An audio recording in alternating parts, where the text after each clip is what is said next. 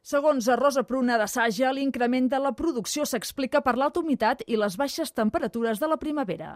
Sortosament, les grans humitats que hi van haver durant tot l'abril i maig, que hi havia molta humitat i baixes temperatures, han fet doncs, que tinguem un 10% més de collita de l'any passat. Hi ha hagut zones doncs, de rendiments de 4.500 quilos hectàrea a 6.000 i algun lloc hasta 7.000. Pel que fa als preus, la falta d'oferta per l'acaparament de producció de la Xina ha fet que s'hagin enfilat fins a un 40%. Tot i això, Unió de Pagesos alerta que els beneficis per al pagès no són tan elevats perquè els costos de producció també són cada cop més alts. Santi Cadevilla, responsable del sector del Sindicat Agrari. Tenim uns preus raonables, però són preus raonables si tinguessin costos de fa 10 anys. Quan valorem els costos d'avui en dia, nos trobem que tenim uns adobs per damunt de preu, una càrrega fiscal i de, i de burocràcia per poder tindre les nostres explotacions que encareix molt fortament. Unió de Pagesos estima que la campanya de cereals ha estat desigual segons les zones productores, amb gran variabilitat i amb sequeres inusuals.